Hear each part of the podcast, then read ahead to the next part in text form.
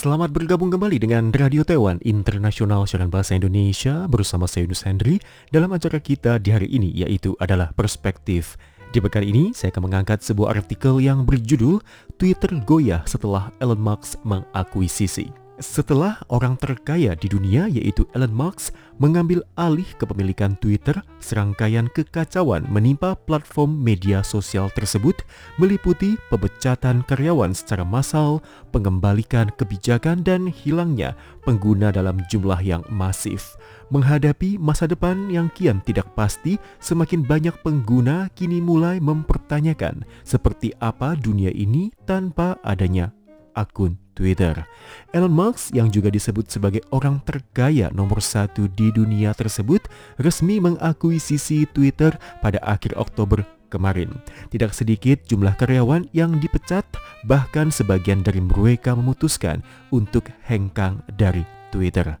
Selain itu, banyak selebritas dunia akhirnya memutuskan menutup akun Twitter mereka dan memilih pindah ke platform lain. Tidak sampai di situ, banyak iklan dari merek terkenal dunia menarik proyek kerjasama mereka dari Twitter. Mereka cemas kalau informasi palsu, ujaran kebencian, dan konten yang tidak menyenangkan di Twitter akan meningkat di bawah pengawasan Elon Musk. Menurut data statistik yang dihimpun pada bulan Juni, basis pengguna Twitter berada di kisaran 237 juta selama satu hari.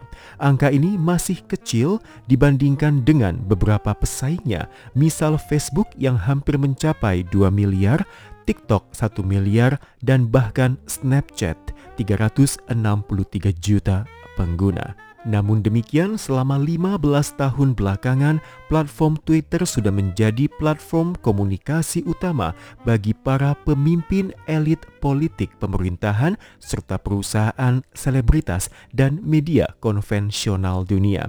Beberapa pihak, salah satunya adalah pengusaha New York yaitu Steve Cohn, bersikeras bahwa Twitter First adalah mikrokosmos buatan dari dunia nyata dengan kepentingan praktis yang serba terbatas. Steve Cohn menyampaikan Twitter sama sekali tidak diperlukan.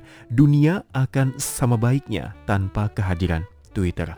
Steve Cohn menambahkan sangat sedikit orang yang benar-benar menyukai Twitter. Hampir semua cuitan berasal dari satu persen pengguna. Sebagian besar dari mereka adalah akun yang tidak terdaftarkan. Namun bagi orang lain, Karen North misalnya, ia melihat peran Twitter dalam mengungkapkan suara dari para akun anonim sangatlah diperlukan. Karen North yang juga adalah seorang profesor di Annenberg School for Communication and Journalism dari University of Southern California menyampaikan di banyak waktu mereka yang kurang menonjol biasanya tidak akan selalu didengar. Tetapi di Twitter, orang-orang ini memiliki kesempatan yang sama untuk mengutarakan pendapat dan kebanyakan akan didengar.